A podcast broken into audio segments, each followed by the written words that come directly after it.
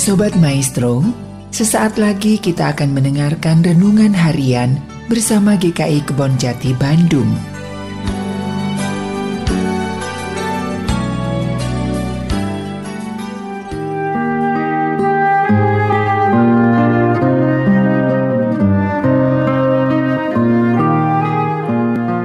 Bertemu kembali dengan saya Pendeta Daud Solihin dari GKI Kebon Jati Bandung. Bapak Ibu Saudara, tema dari renungan harian saat ini adalah Being Weakened atau dalam terjemahan bahasa Indonesia adalah menjadi lemah.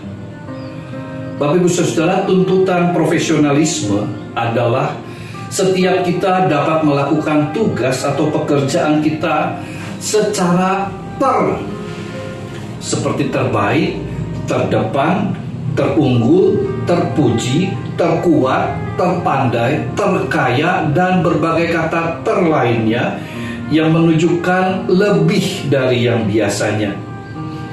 Akhir-akhir ini justru kita harus berhadapan dengan realitas multikrisis yang dapat menyebabkan daya dukung menjadi orang yang tertadi ternyata mendapatkan kendalanya.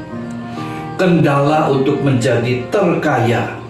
Misalnya, dalam situasi terdampak pandemi ini, seorang yang pandai bergelar S2 sekarang menjadi seorang driver Gojek. Tapi mungkin kita membaca narasi kehidupan dia, kita dapat mengacungkan jempol walaupun dia pekerjaannya sebagai seorang driver Gojek dan pendidikan S2, ternyata dia bisa menjadi seorang ayah yang bertanggung jawab dalam memenuhi kebutuhan ekonomi keluarganya.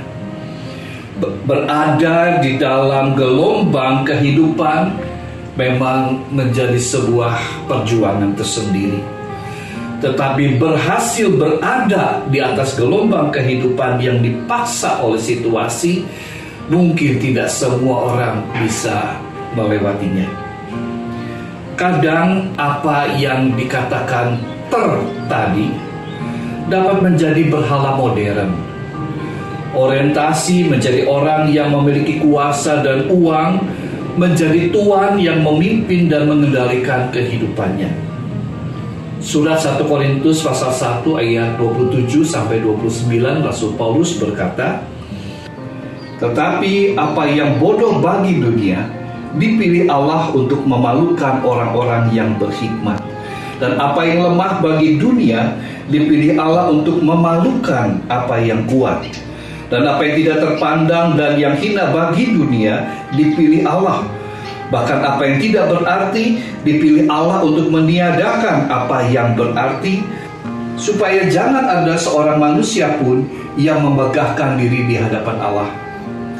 Leon Morris menanggapi ayat ini dengan mengatakan A crucified Messiah is a contradiction in terms.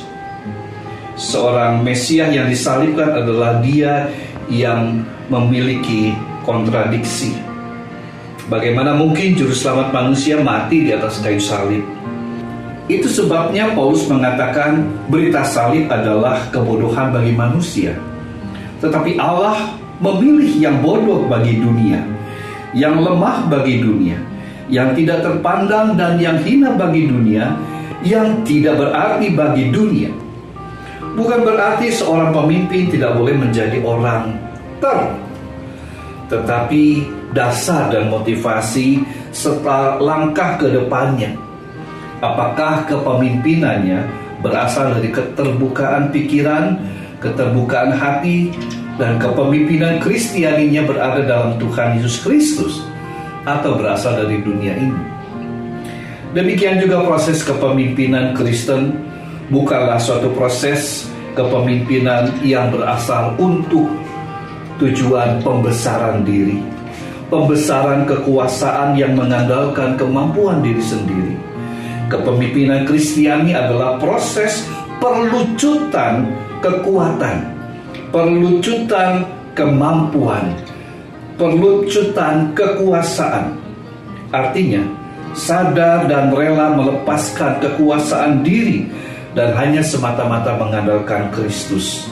Semakin mampu memiliki karakter ini, maka semakin leluasa Allah bekerja di dalam dan melalui diri si pemimpin. Catatan bahwa hari ini kita memperingati hari reformasi.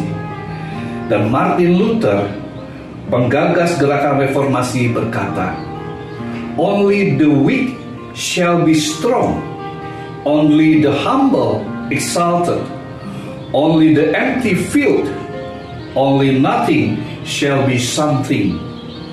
Inilah jiwa kepemimpinan Kristiani. Selamat menjadi kepemimpin Kristiani di mana pun kita berada dan Tuhan Yesus memberkati. Amin.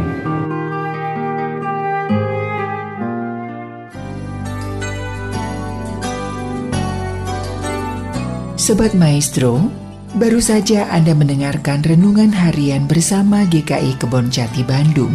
Tuhan Yesus memberkati.